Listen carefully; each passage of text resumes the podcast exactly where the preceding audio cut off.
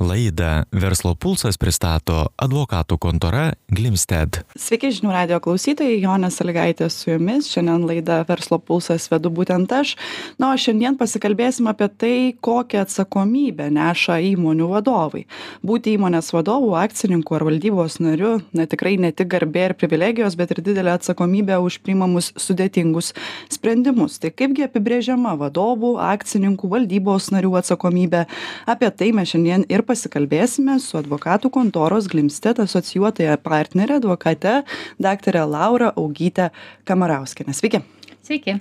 Tai gal nuo to ir pradėkim. Kaip apskritai na, apibrėžiama ta vadovų, akcininkų ir valdybos narių atsakomybė? Tai kaip jūs teisingai pasakėt, kad tos pareigos, kurios iš, tikrai, iš tikrųjų yra atsakingos ir, ir garbingos ir skambios, jos turi ne tik, ne tik visą tai savyje, bet ir tikrai labai daug atsakomybių ir rizikų ir vadovo jeigu konkrečiai kalbant apie įmonės vadovą tai nuo pirmų dienų nuo nuo pirmos jo jo pareigų ėjimo dienos su įmone saisto tokie fiduciariniai pasitikėjimo santykiai ir jo pagrindinis tikslas yra iš tikrųjų veikti ir užduotis įmonės interesais ir akcininkų interesais. Ir jeigu jisai netinkamai vykdo savo pareigas jas pažeidžia e, ne tik tai kad neteisėtus veiksmus kokius nors atlieka arba viršija įgaliojimus pažeidžia imperatyvias įstatymų normas ar steigimo dokumentus, bet ir tas fiduciarinės pareigas, kurios susideda iš tokių daugelio elementų, tai kaip lojalumas, sažiningumas, atsakingumas ir, ir kiti faktoriai, tai jis atsako prieš bendrovę ir jos akcininkus asmeniškai savo turtu ir turi atlyginti tą žalą, kurią jo veiksmai ir netinkamas vadovavimas, netinkami verslo sprendimai sukėlė. Iš tikrųjų, vadovo, kuris yra vienasmenis valdymo organas ir valdybos narių arba stebėtojų tarybos narių, e, kas jau yra kolegialus valdymo organai ir akcininko atsakomybė tam tikrais atvejais, jis skiriasi, turi savo specifikos, kaip ir skiriasi pačios funkcijos, kokias atlieka vadovas, kokios funkcijas atlieka valdybos nariai ar tam tikrai tikrais atvejais akcininkai, kurie neretai būna ir valdybų nariai, ypač šeimos versluose, tai jų atsakomybės ribos ir veiksmai, už kuriuos jie atsako, skiriasi, tačiau praktikoje būna ir taip, kad kartais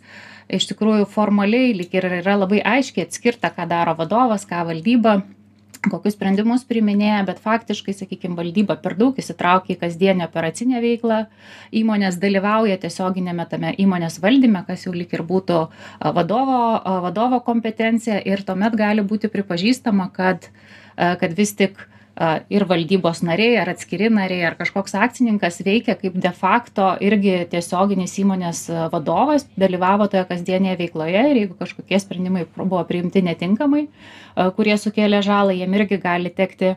atsakyti. Ir bendrai kalbant apie tą civilinę atsakomybę tai vadovo atsakomybei kaip ir bet kuriai kitai civilinei atsakomybei yra taikomos tos pačios taisyklės. Tai yra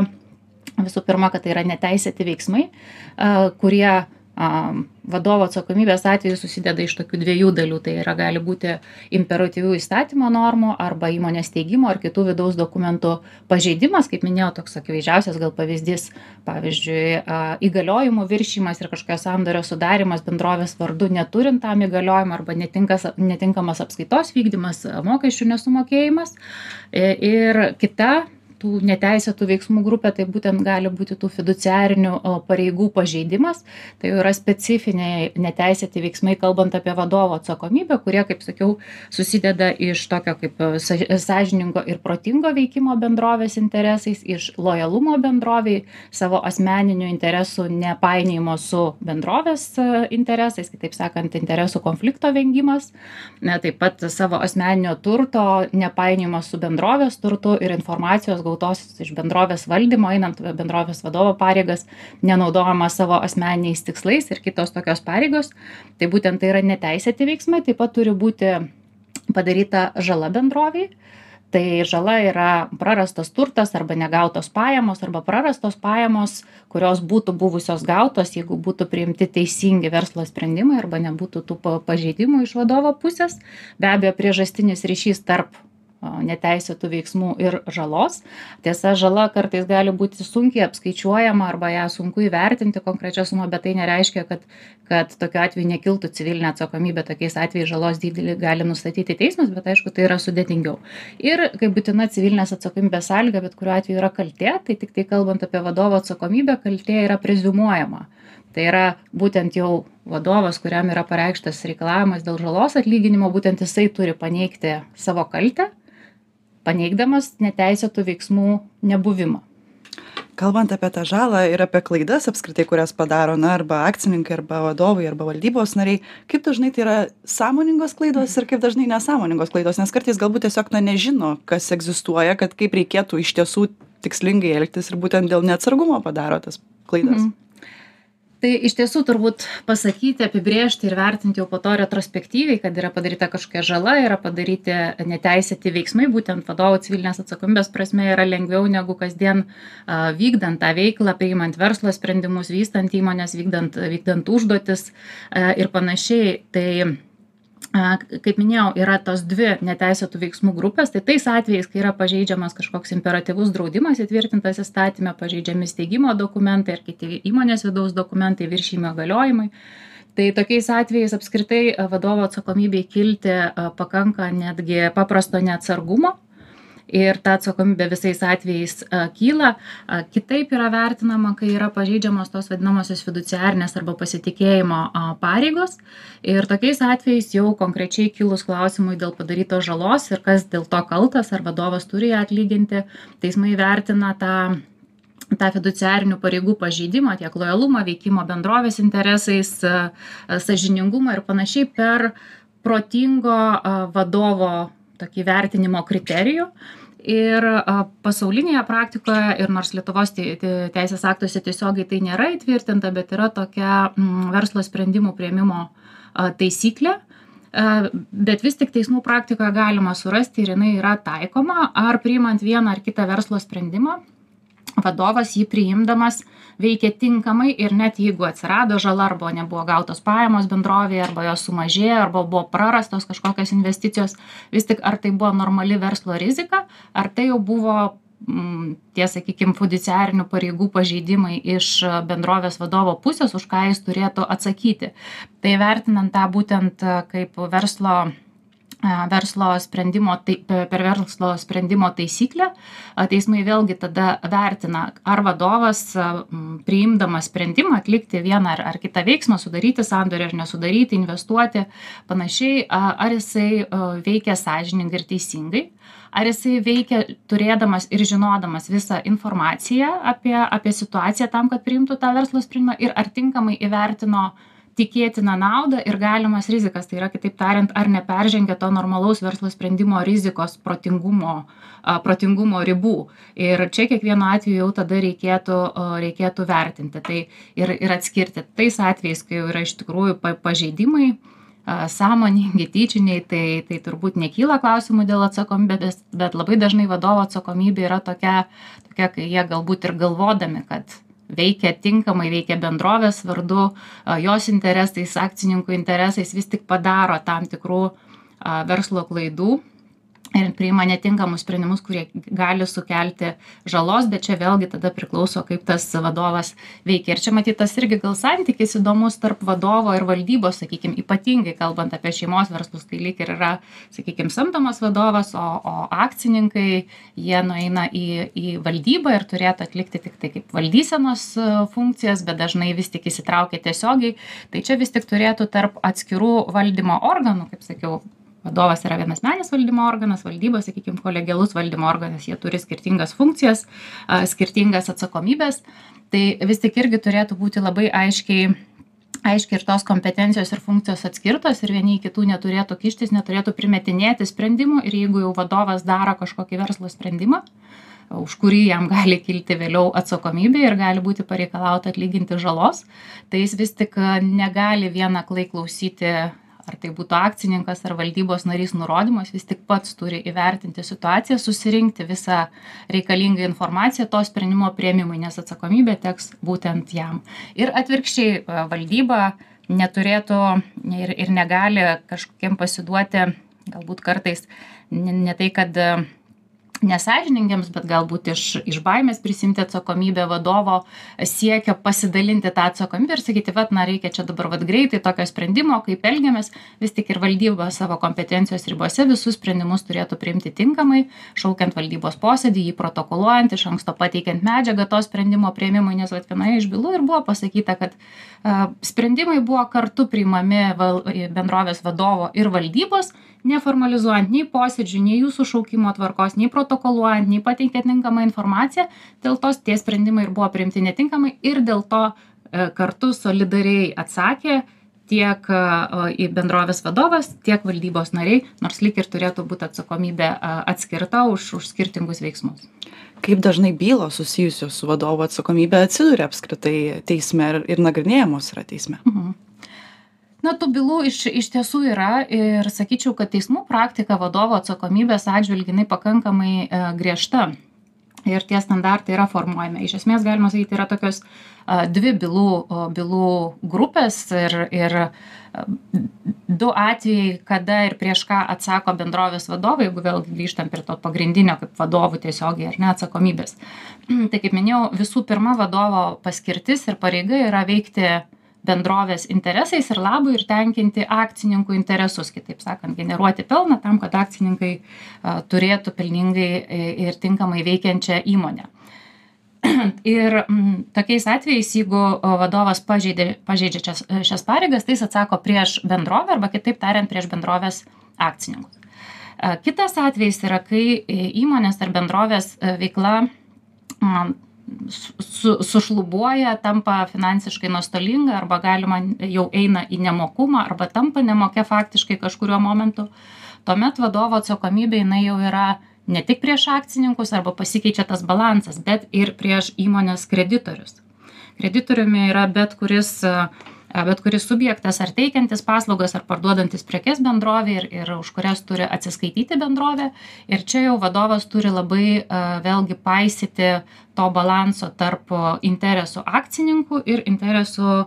kreditorių. Tai labai dažnai e, bylos atsiranda teismuose galbūt net dažniau negu kad vadovo atsakomybės prieš bendrovę arba prieš akcininkus. Būtent vadovo atsakomybės tame tarpe jau tada gali būti ir akcininkų jeigu jie yra nesąžiningi ir valdybų narių prieš kreditorius arba jų interesams atstovaujančius nemokumo administratorius kuomet jau įmonė bendrovė tampa nemokia iškeliama nemokumo byla tai ir tuomet pradėjus tikrinti tikrinti dokumentus e, kada jinai faktiškai tapo nemokia kodėl ar nebuvo kažkokių padaryta pažeidimų e, yra ginami būtent kreditorių interesai ir jie reiškia reikalavimus vadovui nes akivaizdu kad jau iš nemokios bankrutuojančios bendrovės jie nebegali atgauti savo lėšų. Ir šitam kontekste tikrai yra labai daug bylų keliamų kaip sakiau nemokumo administratorių bendrovių vadovams už elementariai netinkamą atsiskaitymų paskirstymą kol dar įmonė buvo moki arba moki su tam tikrais sunkumais vat tuo metu yra labai svarbu tuos atsiskaitymus pagal gaunamas sąskaitas pagal sutartis vykdyti vykdyti tinkamai eiliškumo nustatyta tvarka ir to nepažeisti neteikiant prioriteto kažkuriam kreditoriui kuris labiau patinka arba su kuriuo labiau norisi atsiskaityti juo labiau neišmokant dividendo akcininkams bet paliekant eilę eilę kreditorių su kuriais bendrovė negali atsiskaityti už suteiktas paslaugas.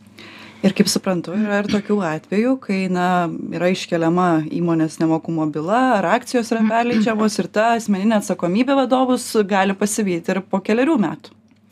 taip be abejo dažnai taip ir būna. E, bendrovė jau būna nemoki jos kaip sakyt tą tokį valdymą netiesiogine prasme perima nemokumo administratorius bet yra vis tik vertinami ir tikrinami veiksmai tuo metu vadovavusių įmonei e, vadovų. Ir čia irgi gal įdomu paminėti ir tokį pavyzdį iš iš teismų praktikos e, kad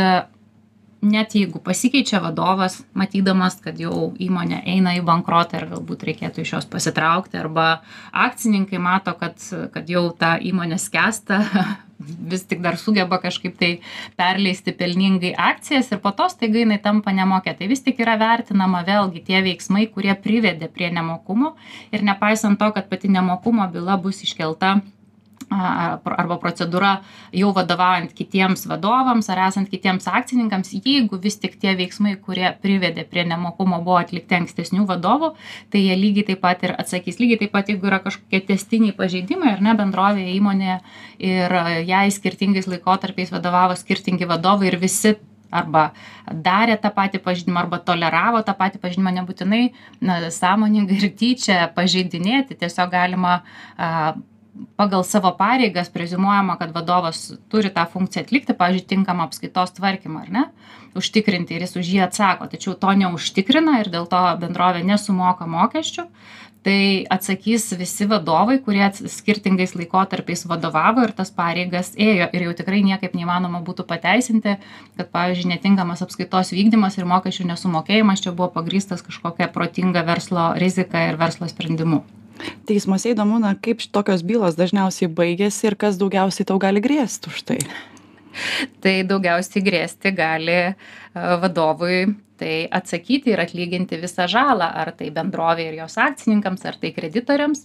Tos baigtys yra iš tiesų skirtingos ir tai priklauso iš tikrųjų labai nuo nuo konkrečios situacijos ir nuo nuo to vadovo kuriam reiškiamas reikalavimas veiksmų. Kaip sakiau jeigu mes kalbėsim apie kažkokį sąmoningą ir tyčinį įgaliojimų viršijimą teisės aktų nevykdymą mokesčių nemokėjimą tai matyt kad tokiais atvejais mažai tikėtina kad vadovui pavyktų išvengti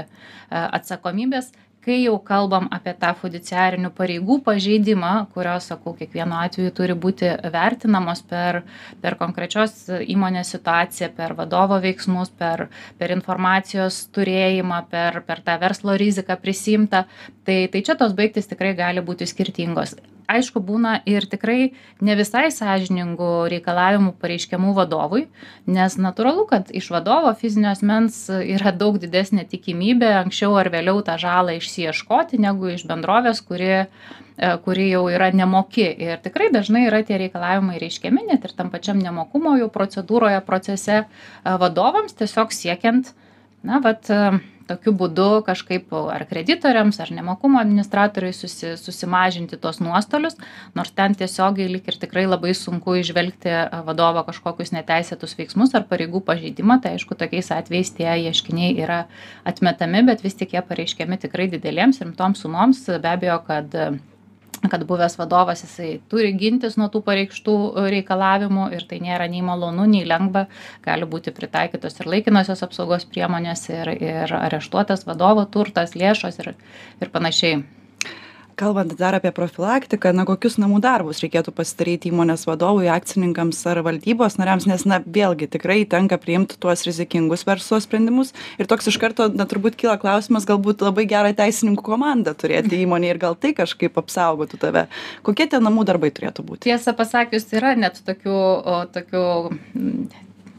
mitų ar ne mitų bet iš tiesų yra įmonių vadovų kurie kreipiasi ir, ir, ir samdo, sakykime, pripažintas ar brangias advokatų kontoras vien tam, kad jeigu jau paskui kažkoks verslo sprendimas ir nepavyktų, tai jau būtų toks tam tikras apsidraudimas, kad aš dariau viską, kas įmanoma geriausiai ir vat, ne, nepavyko. Bet iš tikrųjų, na, ne, nepavyks pasidalinti, matyti vadovui atsakomybės su, su konsultantais ar vidiniais ar išoriniais, vis tik įstatymas apibrėžia, kas yra vadovo atsakomybė ir, ir už kokius veiksmus ir pareigas jisai atsako. Tai matyt pagrindinė kaip sakyt ir priedermė ir funkcija ir tikslas tai vadovas turi veikti e, sąžiningai ir atsakingai kaip minėjau turėti prieš priimdamas sprendimą visą visą informaciją reikšmingą to sprendimo priėmimui ir priimant sprendimą vertinant kokią tai gali duoti naudą ir kokios tai yra rizikos na neperžengti tų protingų verslo sprendimo riziko rizikų kriterijaus tai čia apskritai kaip veiklos veiklos standartas kiekvieno gero gero vadovo siekiančio kad ta ta žala neatsirastų nei bendrovei nei kreditoriams nei akcininkams ir kad nekiltų jo atsakomybė. Kitas dalykas toks jau instrumentas tai turbūt yra vadovų civilinės atsakomybės draudimas arba vadinamas directors and officers civil liability ir aš manau kad jau šiuo metu kai iš tiesų tos pačios valdybos nario pareigos tai nėra tik garbės reikalas o tai yra tikros realios funkcijos su tikrom atsakomybėm ir rizikom tiek profesionalus samdomas įmonės vadovas kuris e, eina vadovauti vienai ar kitai įmonei ir, ir įvertina ir supranta tas rizikas, nepradeda tikriausiai darbo be tokio, be tokio draudimo. Aišku, tai yra specifinis produktas, nors jis siūlo daugumą draudimo bendrojo, vis tik tai yra tam tikra specifika ir įdomumas tame, kad kaip taisyklė dažniausiai tai būna net ir, ir to finansinio susitarimo paketo dalis, ar ne, kaip ir, kaip ir tos darbo sutarties dalis, kad vadovas, sakykime, bendrovės samdomas bus apdraustas vadovų civilinės atsakomybės draudimu ir už jį moka a, bendrovė. Aišku, gali vadovas ir pats tą daryti, bet kaip taisyklė yra taip. Bet a, e, kilų žalai bendrovė ir akcininkams tai susidaro tokia situacija, kad a, draudimo bendrovė, draudikas, kuris apdraudė vadovo civilinę atsakomybę, jis veikia vadovo pusė prieš bendrovę, kuri lik ir, e, lik ir e, kaip sakyt, pirko tą, tą draudimą. Bet toks yra, toks yra ta santykių spe, tokia specifika. Uh, tai tai gali apsaugoti ir sumažinti. Be abejo jeigu tai kalbam tiktai apie kažkokią neatsargumą apie tą patį vertinimą fiduciarinių pareigų jeigu tai yra tyčia viršyti įgaliojimai pažeistos pareigos tai nepadės ir draudimas nes greičiausiai tai bus nedraudiminis įvykis. Ir kalbant apie vat vadovų civilinę atsakomybę tai vėlgi irgi jį įsigyjant neužtenka tiesiog kad kad tai būtų formaliai. Reikia visų pirma vertint kas tą draudimą siūlo kokia bendrovė kad jinai būtų patikima turiu omeny draudimo bendrovę ir aišku ir patį polisą kas jame apibrėžta kaip nedraudiminis įvykis nes dažnai būna sąlygos ir tada daug išimčių. Koks yra retroaktyvus laikotarpis tai yra nuo kokio nuo kokio laiko jau galioja kaip sakyt atgal tas draudimas nes nu vėlgi gali būt nuo pirmos dienos sudarytas gali būt vėliau kad kad susitaria vadovas kad toks draudimas būtų. Koks yra pranešimų laikotarpis apie gautą pretenziją apie atsiradusią žalą. Taip pat kokia kokia yra draudimo išmokos suma tiek visam sutarties galiojimo laikotarpiui tiek vienam įvykiui nes per vadovavimo ten sakykim penkerių metų laikotarpį gali būti keli įvykiai ir ar ta suma yra atsinaujinanti. Tai daug tokių irgi niuansų nes tai tikrai labai specifinis produktas. Tai tai vėlgi tą tą reikėtų įsivertint bet aš manau kad kad tikrai vadovai tuo turėtų naudotis nors aišku tai neatleidžia nuo pareigos elgtis sąžiningai atsakingai ir priimti protingus verslo sprendimus pamatuotus dėkui jums labai už patarimus. Šiandien kalbėjome su advokatų kontoros glimstet asocijuotąja partnere advokate daktare laura augyte kamarauskiene. Na o šią laidą vedžiau aš jonė sąlygaitė. Jums klausytojai sakau iki kitų kartų. Laidą verslo pulsas pristato advokatų kontora glimsted